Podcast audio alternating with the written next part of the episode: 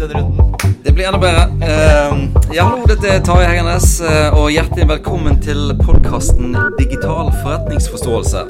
I dag er gjesten, uh, gjesten min Espen Myklebust, som er da Chief Commercial Officer og Head of Product på i noe som heter Astat, som vi skal nok komme inn på litt seinere. Hjertelig takk. Hjertelig velkommen, Espen. ja.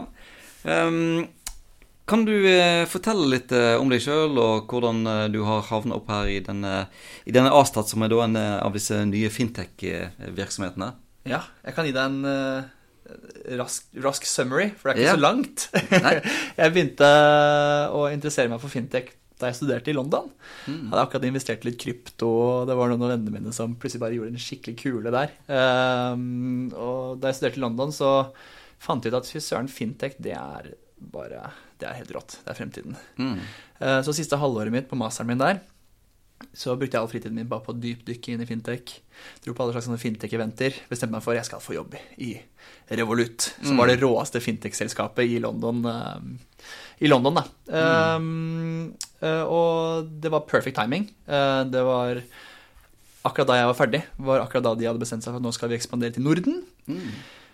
Så etter å ha drukket pils med diverse Revolut-representanter på forskjellige eventer i London, så spurte de meg da, Espen, har du lyst til å ekspandere Revolut til Norden. Jeg takket ja. Uh, ble en ganske stor challenge uh, rett, ut av, rett, ut av, skolen, men mm. det var bare den kickstarten. Så jeg startet opp uh, Revolut i Norge, Sverige, Danmark og Finland, og var country manager der. Mm. Um, og så gikk jeg litt lei og hoppet over til en litt tyngre bransje, nemlig konsulentbransjen, mm. som mange av dere, dine lyttere er interessert i å gå inn i. Så jeg var i PwC som eh, fintech-konsulent eh, en stund. Og så datt det rett og slett en, en, en, mulighet ned i fanget mitt som jeg ikke klarte å si nei til. Eh, det var en brite som het Aksel, som pitchet en idé om Astad, da, som dere skal få høre litt om senere. Ja. Og da hoppet jeg videre dit. Og der er jeg nå. Ja, Spennende. spennende. Yes. Du, jeg lurer på Hva utdanning kommer de fra? Var det en eh, økonomi, eller var det en teknologisk eh, vinkling på, Nei, på utdannelsen? Det er litt som um, um, Ja, det er management, da. Så ja. det var et Masters of International Business på ja. Holt International Business School, ikke ja, Så da, da kommer du fra, business, fra businessverdenen inn i fintech-verdenen, da. Så ja. ikke så langt steg. Stemmer. Det det er en ting som jeg har tenkt på med fintech. Og endelig har uh, oss som kommer fra businessverden fått noen sånne kule startups å, å være med i. Sant? For før har det vært sånn uh, brukergrensesnitt og design og teknologi og sånne ting. Men nå, uh, nå var det endelig vår tur å, å, å, være med i denne kule startup-greia Helt enig. Det, det syns jeg er gøy. Um, men denne fintech-verdenen fintech som, du ble, som du ble så lokka ut av mm hvor, hvor Når starta den egentlig, og, og, og, og hva, hva, er den egentlig? Hvordan, hvordan skiller den litt eh, seg ut ifra den gamle Finn uten tech-verden? Ja, det spørs litt hvilken del av fintech du ser på, men uh, den delen som jeg jobber i, da, uh, som har med bankverdenen å gjøre, eller neobanking, uh, som mange kaller det, eller digitalbank, rett og slett. den revolusjonen ble kanskje kicket i gang av noe som heter Payment Service Directive 1. Ja. Og de aller fleste har kanskje hørt om PSD2, Payment Service Directive 2. Mm. Uh, det har vært masse i media i det siste, men uh, den heter jo 2 fordi det var en ener først. Ja. Uh, den kom i 2009, og den gjorde at om du fikk lisens eller tillatelse til å drive en fintech-tjeneste eller en banktjeneste i et land, så kunne du enkelt flytte denne lisensen eller den tillatelsen ut i Europa. For det var et EU-direktiv da, som gjorde at det her ble mulig. Ja. Så det gjorde at alle uh, Altså om du um, ja, du, kunne, du, kunne, ekspandere ekstremt fort. Da. Og det er jo det her som uh, aktører som Revolut, Monzo, N26 uh, og alle de har benyttet seg av for å eksportere produktet sitt ut i Europa veldig raskt. Og det å få ekstremt stor vekst. Du ser jo Mange av de sliter jo med å gå inn i USA. for at det regulatoriske landskapet, der må du ha en lisens i hver, i hver stat. ikke sant? Mm. Mens I Europa så kan du ha én lisens for alle land. Mm. Så jeg tror det, det, er en av hovedfaktorene som gjør at det er mulig å drive selskap eller finne sånne neobanker, sånn som de driver det i dag. Mm. Um, ja, en liten tilleggsgreie. Jeg så på en sånn grafe der man uh, så mengde investert i selskaper uh, fra uh, PST1 ble innført fram til, fram til nå, da. Mm. Eller var vel oppdatert uh, fram til 2019. Um, da så du bare i eksempel i 2012, så så du på hele 2012 hadde, um, hadde Jeg lurer på om det var fem ganger så lite investert, ja, som i første kvartal i, uh, i 2019. Mm. Um, ikke quote meg på de tallene, men det var, det var noen sånne helt ville tall. Så det, den, det har vært en helt eksponentiell økning og interesse for dette feltet her. Mm. Det er veldig spennende. Så, så, rett og slett eh, mange av de der hindringene som var for å etablere seg i bransjen, eh, en del av de falt med, med PS1, og så kanskje falt det enda mer fra, fra, fra PS2. Ja, vi får se, da. Ja, det har fortsatt ikke vært så stor adopsjon av det som man hadde trodd. Nei, det... Eh, I hvert fall ikke i Norge. Nei.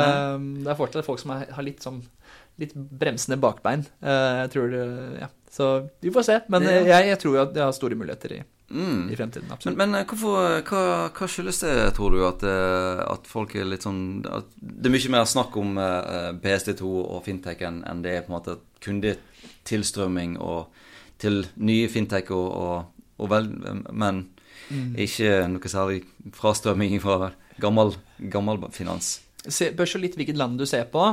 Um, I Norge så er jo folk veldig glad i bankene. sant? Mm. DNB støtter det lokale idrettslaget. og Mm. Pappa og mamma brukte DNB, så da bruker jeg DNB. Mm. så da på en måte folk ser på DNB som en, eh, nesten som en, eh, ja, en, en statlig institusjon. Og ja. på mange måter så er det jo det også. Mm. Eh, men um, folk er veldig lojale til bankene sine uh, av en grunn på en helt annen måte enn de er i f.eks. Sverige. Uh, tilstrømningen til sånne her tjenester bare i Sverige, som er nabolandet vårt, mm. er jo mye mye sterkere. Ja. Det virker mye lettere å gå til slike tjenester der. I Øst-Europa så det jo, går det jo helt bananas. Da, der er de mye mer opptatt av disse marginale forskjellene da, mellom um, mm. f.eks. på prising og, og, teknologi som ja, mellom, mellom, de tradisjonelle bankene og de, og de nye mm. bankene med gåseøyne. Ja.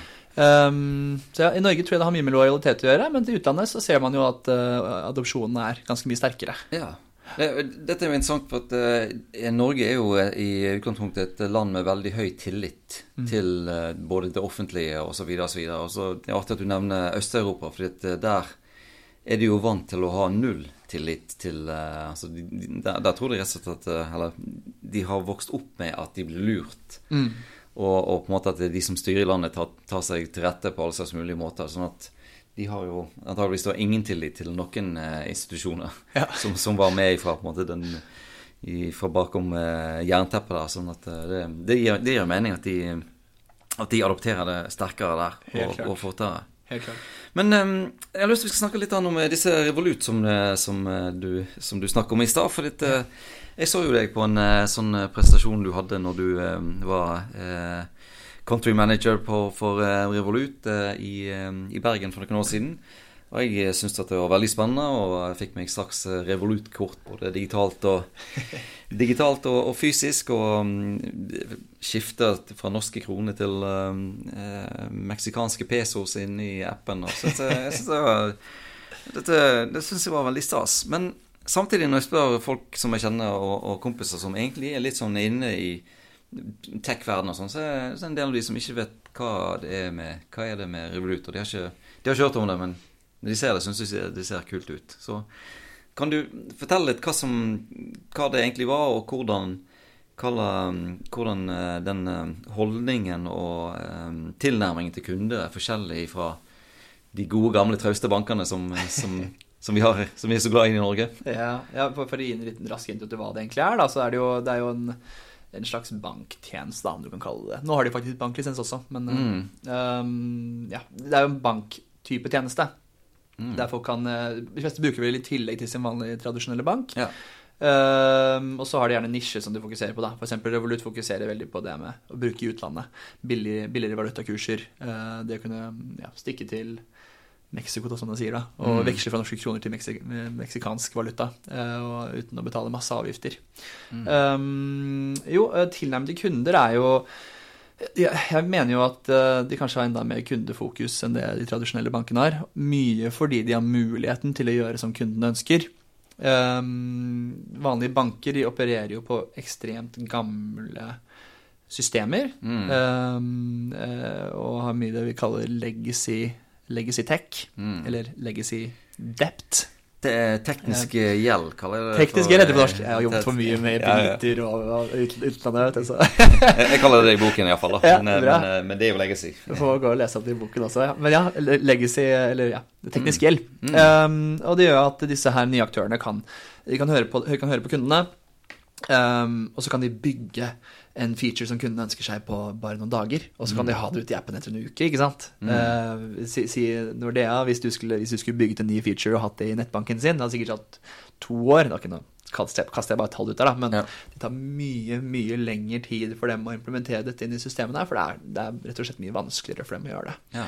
Um, og det er jo mye fordi at uh, aktører som Revolut eller oss, da, vi har kunnet bygge plattformen vår fra bunnen av med mest moderne teknologien. Og dermed kan vi da bare bevege oss mye raskere. Um, ja. Det, eh, dette er jo eh, Det er jo sånn tema til, som jeg også tar opp i boken, dette med å, å ha på en måte en fleksibilitet i den der eh, IT-arkitekturen, hvis du vil kalle det for det, for å liksom å, å kunne eh, raskere tilby nye løsninger til, til kunder. Um, og så eh, Det som jeg òg tenkte litt på på Revolut altså, hva, hva var det som egentlig Hva som fenger folk mest med Revolut, vil du si? Hva var liksom den der eh, Vi, vi sier ofte the killer app, altså det som gjorde at eh, folk eh, at, at så mange begynte å bruke det. Hva var liksom hovedgreia der? Ja, altså det er jo En ting er at man klarer å lage en plattform som fungerer bedre. Men jeg tror det de har virkelig skapt suksess med, er jo at de har klart å gjøre banktjenester da, kult. De har klart å skape virkelig gode ambassadører. De, har klart å, de får folk om bord i applikasjonen, og så uh, gjør de alle kundene til ambassadører. eh, som går og forteller vennene sine 'Har dere hørt om de kule greiene her?' Um, Litt sånn som jeg sa i stad. eh, ja. Sånn sånn som jeg følte da jeg så Revolut første gang. Ja, absolutt. absolutt sant. Um, og det hadde mye med det her med um, community building, da. Um, Det å komme inn, uh, det å bygge um, um, et fellesskap uh, blant kundene. Veldig store deler av Revolut sin vekststrategi er jo å gjøre arrangementer der de inviterer lojale brukere på en pils sammen med representantene, og så tar de imot feedback face to face. Da jeg var i Revolut, så var jeg med å bygge ambassadør, det internasjonale ambassadørprogrammet. da, Det The Re- Revolut Pioneer Program, som er en av eh, vekst... eh, eh, hva kaller man det? En av, eh, en av, en av hovedvekstplattformene til Revolut. Ja. Um, og da inviterte vi eh, en av, en av de mest lojale ambassadørene til, til eh, kontorene våre i Canary Wharf i London. Ga han en overbevisning. Eh, han skaffet jo tusenvis av kunder til Revolut. Han drev en Facebook-gruppe i Portugal som heter Revolut Portugal, der han hjalp folk med spørsmål. Han var bare blodfan av produktet. Han var bare så, han bare elsket det, fordi det hadde revolusjonert hans eh, bankhverdag. Da. Og det ville han bringe videre til andre. Mm. Uh, han endte jo etter hvert med å bli ansatt. uh, som community, community manager da, i, i Revolut, nettopp for det. Uh, av det. Ja. Eh, De har klart å skape en sånn utrolig lojal brukerbase, og det er kanskje hovedforskjellen eh, Ja. mellom Revolut, eh, eller fintech-bankene generelt, da, og Ja. de tradisjonelle bankene. Det, dette er jo si, Dette er jo liksom dårlig nytt for, for de andre bankene. For nå blir de på en måte angrepet fra to fronter. Og Den ene er på en måte med, med mer dynamisk og fleksibel teknologi.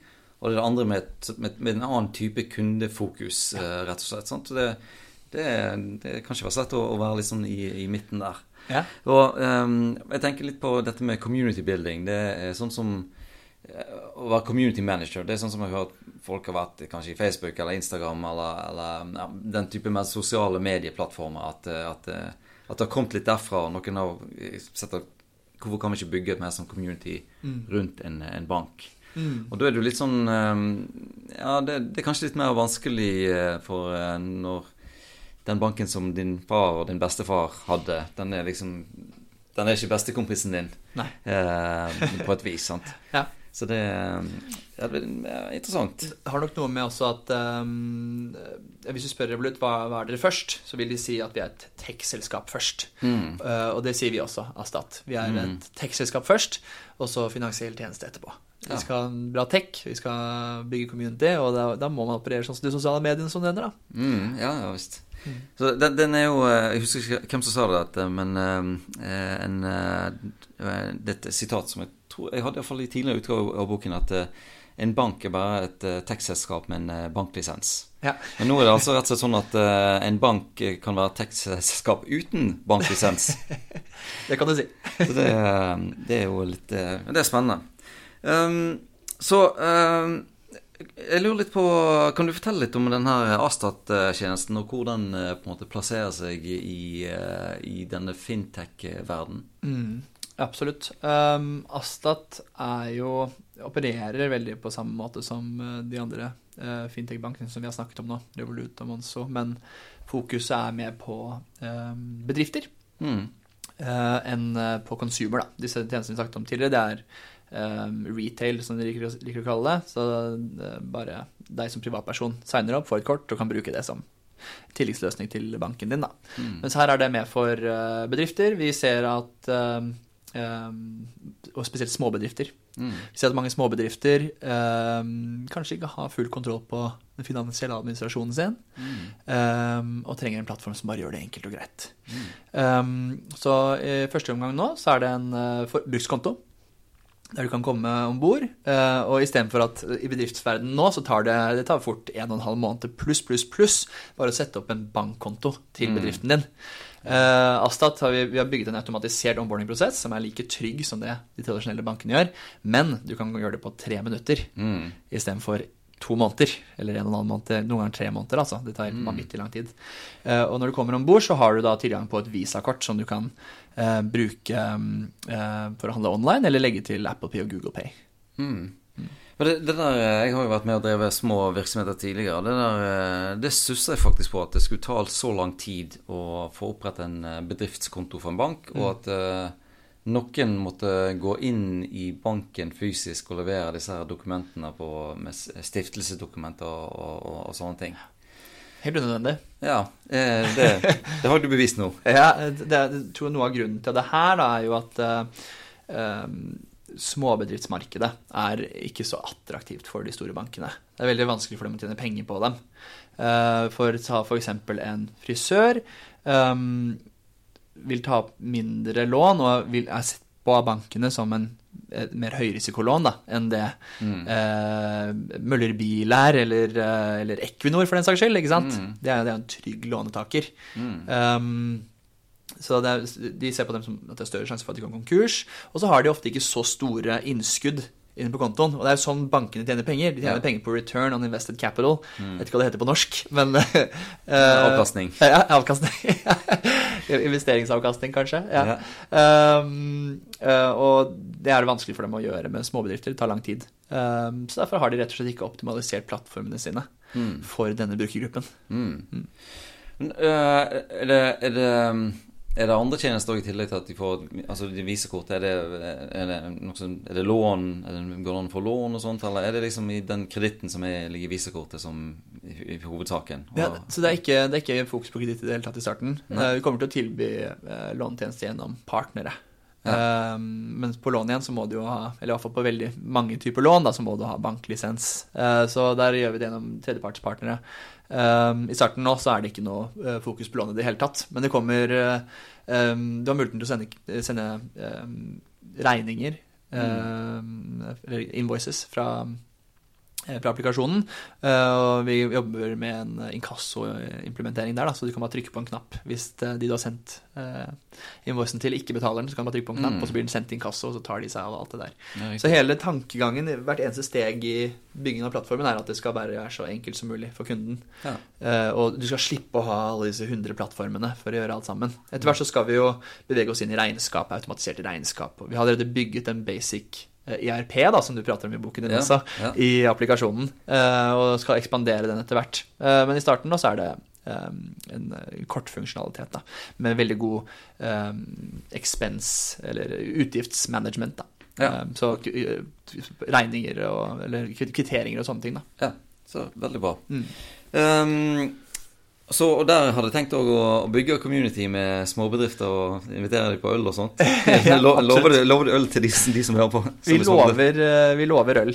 Eh, om du blir kunde og du kommer på et av eventene våre, så skal du få øl. Ja, ja, Eller drink. Oi, oi, ikke, det var ikke verst. Du, jeg lurer på, det, nå har jo det eh, åpenbart fokus på, på dette med community-bygging og sånt, men er det er det, er det, noe som de eh, norske bankene har tatt i seg, det der med, med, med community? og sånn, de, Klarer de å altså Den teknologibiten som du snakker om, den, den, tar det jo litt tid å, å, få snudd rundt på. Men har de tatt i seg den, den, den andre eh, arenaen der de blir mm. angrepet, mm. dette med community og sånt? Er det noe som har begynt å, å, å nærme seg mer den typen tankegang for sine kunder?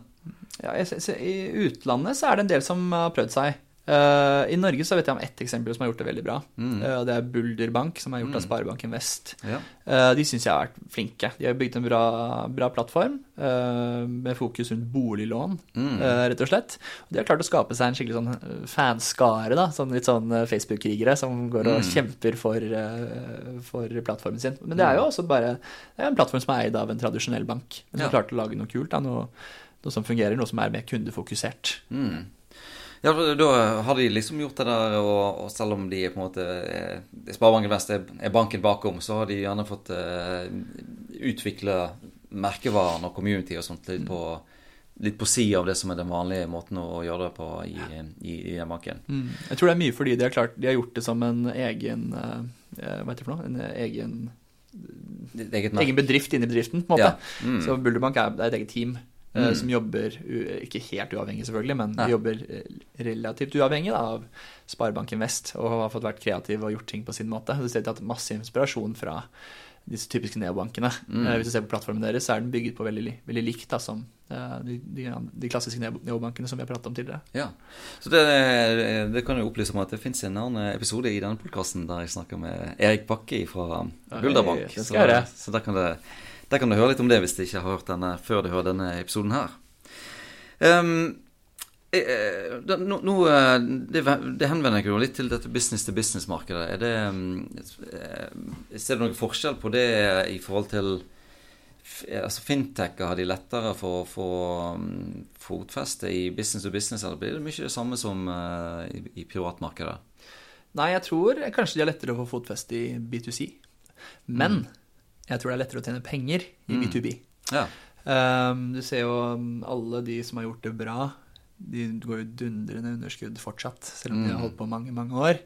Um, det er vanskelig å Altså, når du har gitt bort en produkt gratis, så er det vanskelig å konvertere de kundene til å bli eh, betalende kunder. Mm. Um, jeg har en teori om at det er lettere å gjøre det i B2B. Uh, fordi det, altså, det, jeg mener jo kanskje at uh, bankverden for bedrifter er, står, enda, står, dårligere til der enn ja. det gjør i bankverden for privatpersoner. Mm.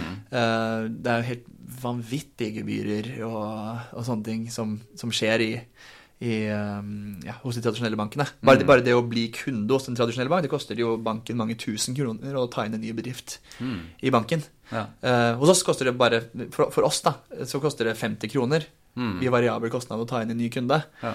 Um, ja. Og så er det en månedsavgift da, for å være om bord, så kundene i B2B-markedet er nok litt mer betalingsvilje uh, enn i B2C. Mm. Mm. Og så er det kanskje det med, med forutsigbare kostnader som er litt altså der, Så lenge det er forutsigbare kostnader, så er det på en måte lettere å forholde seg til for, for, en, for en, bedrift enn, en, for en privatperson. Ja, jeg tror mange, mange, av de tradisjonelle bankene de baserer seg veldig mye på sånne, sånne gebyrer som de ikke vet hva, hva, hva er. Plutselig bare kommer det sånn gebyr på 500 kroner som er et kortgebyr, og så er det sånn Hæ, betaler jeg penger for å ha et kort? Ja, det er veldig mye sånne smågebyrer da, som kommer. Mm. Uh, og det gjør vi og andre i den sektoren. De har veldig, veldig, veldig fokus på det med forutsigbarhet. Det at det kanskje er en månedskostnad og ingenting ekstra. Ingen mm. skjulte kostnader er et, en klassisk tagline da, i, denne, mm. i denne verdenen her. Ja, det er veldig bra. Du, jeg lurer på uh, Hva tenker du litt om, om uh, trender framover og sånt uh, innenfor fintech-verden? Hva er det som Om det er om det er noen typer tjenester, eller om det er noen typer teknologier som er på vei inn, eller om det er andre typer trender som du, eh, som du, som du uh, ser for deg at det er på vei inn i, i finansverden. Ja. Ja, det er ekstremt mye trender som, som skjer nå. Kanskje den første jeg vil trekke fram, er jo bare det faktum at vi eksisterer.